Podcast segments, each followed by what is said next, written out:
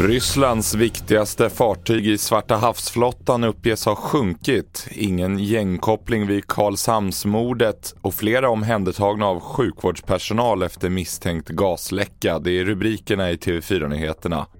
Vi börjar i Stockholm där en räddningsinsats pågår efter en misstänkt gasläcka i en lokal i Stadshagen på Kungsholmen.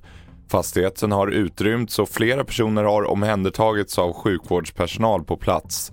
Vi hör Jonas Wahlstrand på räddningstjänsten Stockholm Mitt. Just nu är vi framme med nio resurser varav tre ledningsenheter och polis och ambulans. Och det ska vara sex personer som har blivit undersökta av ambulans eller sjukvård. Ingen för till sjukhus i nuläget. Mm. Vet man vad det är för typ av eh, gas? Nej, vi är framme med, som det heter, avancerad indikering för att fastställa vad det är för ämne och vad det kan vara för utsläpp. Mer om insatsen på tv4.se. Polisen säger att det inte finns några kopplingar till gängkriminalitet efter gårdagens dödsskjutning i Karlshamn där en 23-årig man dog. Det meddelades på en pressträff idag. Mannen hittades i ett parkeringsgarage på eftermiddagen och polisen har under natten gripit en person misstänkt för mord.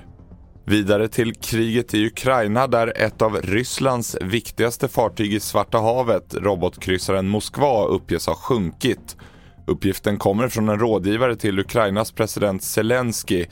Vi hör överstelöjtnant Joakim Paasikivi om vad den här potentiella förlusten kan innebära. Militärstrategiskt så förändras situationen i Svarta havet så tillvida att ryssarna nu inte kommer att kunna gå nära Ukrainas kust med någonting. Eh, det blir alldeles uppenbart.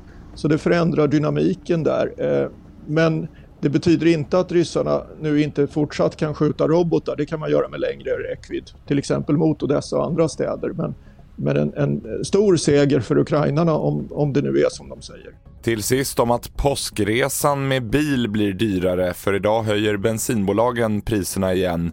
Circle K lägger på 25 öre på både diesel och bensin från och med idag och Preem gör likadant. Och nu kostar en liter bensin 21 kronor och 9 öre och en liter diesel 24 kronor och 82 öre hos Circle K och Preem. Fler nyheter finns på tv4.se. Jag heter William Grönlund.